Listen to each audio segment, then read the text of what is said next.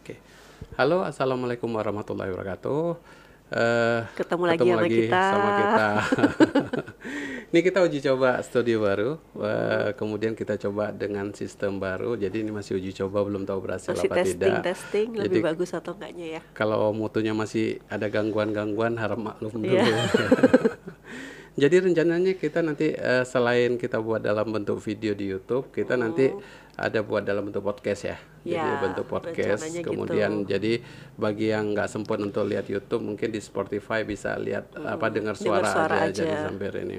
Nah untuk podcast perdana kita ini kita membahas tentang USG ya. Ya. Kita tentang Kapan USG. sih kita harus USG? Iya, kita semua kita bahas nanti kapan harus USG, kemudian minimal berapa kali, Bedanya kemudian apa? bedanya apa antara tiap semester Tiap itu, trimester, bahaya ha. atau tidak. Jadi seputaran USG. Oke. Oke. Eh,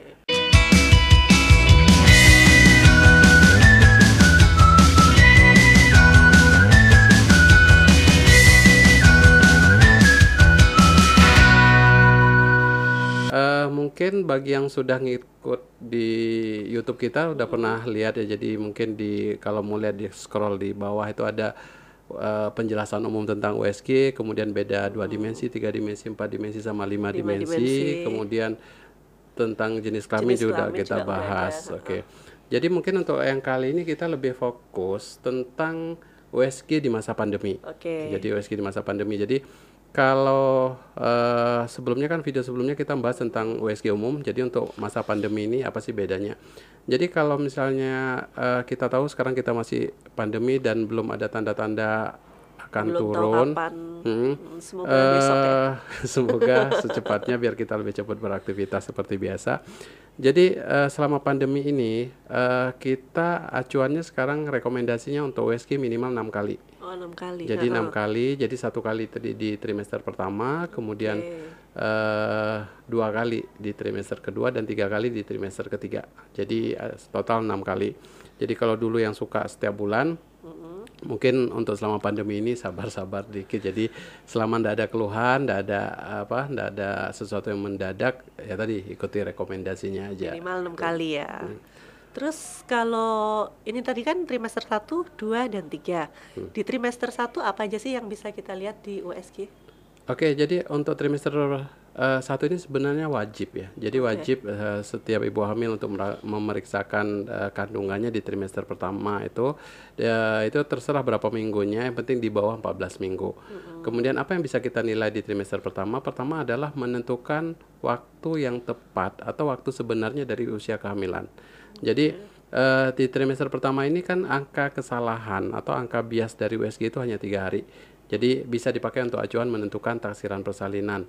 Jadi bagi ibu-ibu yang khususnya yang mensnya tidak teratur, jadi bisa siklus 24 hari, 28 hari, 3 bulan sekali. Kadang-kadang untuk ngitung hari pertama hari terakhirnya agak susah. Lupa-lupa Lupa-lupa ya. ingat. Kemudian eh, ibu-ibu yang suntik KB. Jadi suntik KB Oh, tiga iya. bulan biasanya ndak men tiba-tiba hamil gitu. Jadi menentukan taksiran persalinannya agak sulit. Jadi untuk ibu-ibu d- dengan yang saya sebutkan tadi minimal USG aja. Jadi dengan USG kita tahu usia kehamilannya berapa sehingga menentukan tepat nanti kapan perkiraan persalinan. Jadi itu.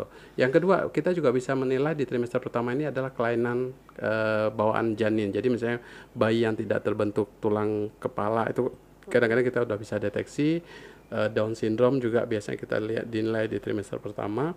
Kemudian kelainan-kelainan lain, apakah uh, blighted ovum kah, dead conceptus kah, hamil anggur kah, hamil di luar kandungan. Jadi kelainan-kelainan itu juga kita udah lihat di trimester pertama.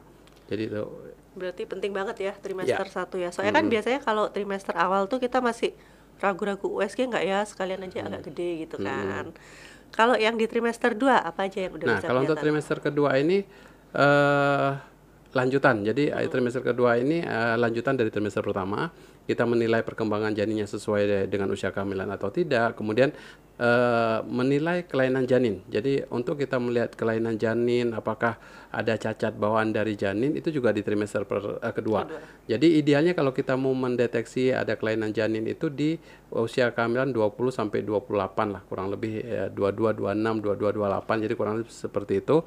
Karena di usia seperti itu bayinya masih relatif kecil, kita masih bisa relatif melihat keseluruhan dari bayi sehingga kalau untuk melihat ada kelainan atau tidak di umur-umur segitu yang paling ideal. Termasuk USG feto maternal. Jadi bagi yang belum familiar dengan USG veto maternal atau istilahnya USG full screening sama. Jadi USG veto maternal atau full screening itu adalah USG untuk melihat kelainan janin full dari ujung kepala sampai ujung kaki. Biasanya dia durasinya lebih lama. Rata-rata satu pasien bisa 30 sampai 45 menit. Jadi eh, dilihat semua. Jadi ada Benar-benar kelainan dilihat atau ya. tidak. Tapi tidak semua dokter melakukan USG full screening. Jadi biasanya di rumah-rumah sakit besar atau di dokter konsultan veto maternal. Nah, mungkin sekarang sering ada ada rancu ya antara full screening dengan 4 dimensi. dimensi, Jadi tidak semua USG 4 dimensi itu adalah full screening.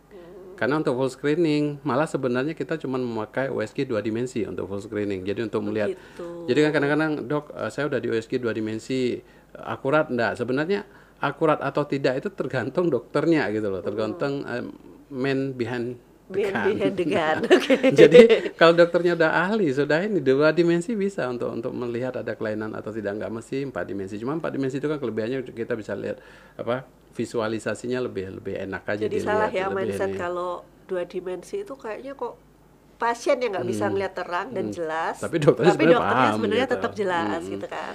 Jadi gitu. Jadi kalau bagi ibu-ibu untuk melihat ada kelainan atau tidak, idealnya di trimester kedua antara 22 sampai 26 atau 28 termasuk empat dimensi. Jadi Iya. USG empat dimensi juga idealnya uh, di Kalau umur-umur segitu. gitu.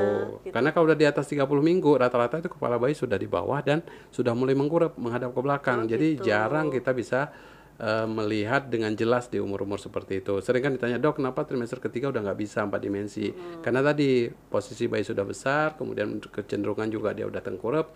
Jadi udah susah kita untuk mencari gambar Soalnya dengan kan baik. kalau ibu-ibu itu kadang kalau yang nggak mau merugikan semakin besar itu ntar semakin jelas. Iya, Jadi kita tunggu tunggu gede aja dulu, gede tunggu gitu gede kan. dulu biar biar lebih jelas. Padahal kalau empat dimensi nggak bisa ibu. Jadi sebagian besar daripada kecewa, kebanyakan nanti udah jauh-jauh ngantri, kemudian begitu USG cuma dua dimensi. Jadi eh, usahakan kalau pengen lihat yang jelasnya di trimester kedua gitu. Oke. Kalau trimester 3 Nah, apa aja yang kita Kalau lihat? untuk trimester ketiga ini juga lanjutan dari eh, trimester kedua tadi kita melihat perkembangannya di- eh, grafik eh, dari bayinya sesuai dengan usia kehamilan atau tidak, kemudian menentukan posisi kepalanya di mana, di bawah, lintang atau sungsang, ari-arinya, grading ari-ari, ketuban. Jadi eh, perkembangan dari dari janin tadi. Tapi biasanya untuk trimester ketiga ini udah nggak bisa sejelas trimester kedua. Tapi untuk dokternya tetap sama bisa ngelihat. Tapi kalau untuk menunjukkan ke pasien biasanya sudah nggak optimal lagi gitu. Terus kan kalau di trimester 3 itu banyak banget ibu hamil yang tiap bulan aku kok beda juga sih dok HPL-nya yang benar yang mana gitu-gitu kan. Jadi gini Bu, eh, untuk sistem pengukuran USG itu dia mengukur usia kehamilan berdasarkan besar bayi. Jadi kalau seandainya misalnya bayinya eh, tumbuh lebih besar dari usia seharusnya misalnya pada bayi yang gemuk makrosomia kita udah pernah bahas juga. Jadi otomatis itu perkiraan lahirannya akan maju. Gitu ya. Kebalikannya kalau misalnya janin yang nggak berkembang dengan baik, eh, dia biasanya Mundur. mundur. Nah, maju mundur ini bukan menunjukkan taksirannya maju atau mundur, tapi dia lebih besar atau lebih kecil. Gitu Jadi bedanya di situ. Tetap kita pakai satu tadi ya, yang trimester balik satu ya. tadi. Makanya saya tekankan trimester satu wajib untuk USG minimal satu kali. Kalau trimester 1 itu kira-kira minggu keberapa sih dok yang udah mulai kelihatan? Sebenarnya sih tidak ada masalah di bawah 14 minggu. Cuman kadang-kadang kalau 5 minggu belum terlalu kelihatan. Eh, idealnya sih sekitar 8 mingguan lah. 8 minggu ya. 8 mingguan sampai 14 minggu itu udah lebih lebih kelihatan. Tapi kalau 5 minggu kadang-kadang masih kantung aja. Kadang kantung aja belum kelihatan gitu. Oke. Terus aman nggak sih kalau USG tiap Hmm. bulan atau USG 6 kali itu kan juga Hmm, banyak tuh termasuk. Itu aman nggak buat ibu hamil? Jadi kan eh, mungkin banyak ya mitos yang berkembang di masyarakat itu USG itu bahaya. USG itu bisa menyebabkan kelainan atau cacat janin karena kena sinar katanya.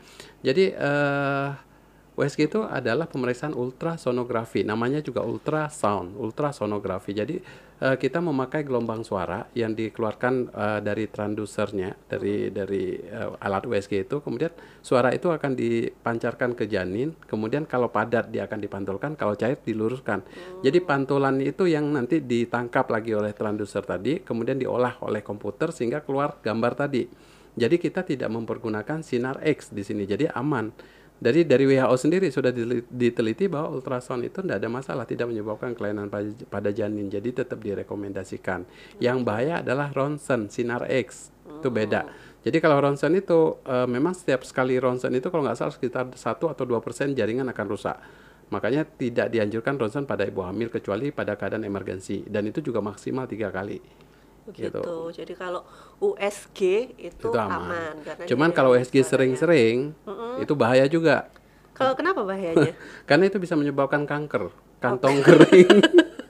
Jadi, bahaya untuk kantong bapaknya iya, kalau gitu jadi ya. kalau USG seminggu bisa dua kali USG terus bayar tiap USG itu kantong bapaknya yang kanker itu. Soalnya kan kadang kalau hamil itu ada juga yang aduh kepingin Penasaran gitu gitu, kan ya, setiap bulan, penasaran. Ini contohnya minggu ini gitu dah. minta USG bentar-bentar. Cuma kalau dia gratis jadi Jadi nggak kanker ya. nggak kanker gitu. Jadi tetap susah indikasi aja kalau nggak em- emergensi sebaiknya ditunda dulu gitu. Tapi untuk bayi nggak ada masalah.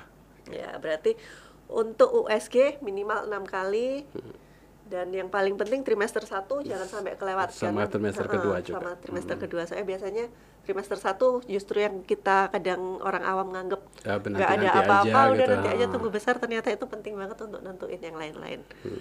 Oke, itu aja.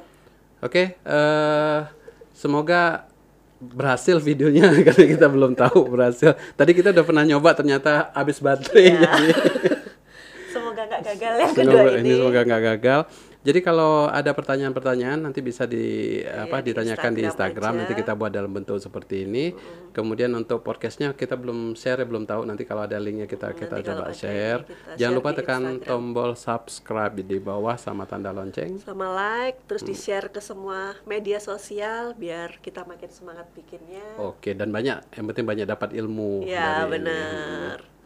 Oke, sampai ketemu di video berikutnya bareng kita berdua. Nanti kita sering join kayak gini aja biar nggak bosan lihat muka saya aja.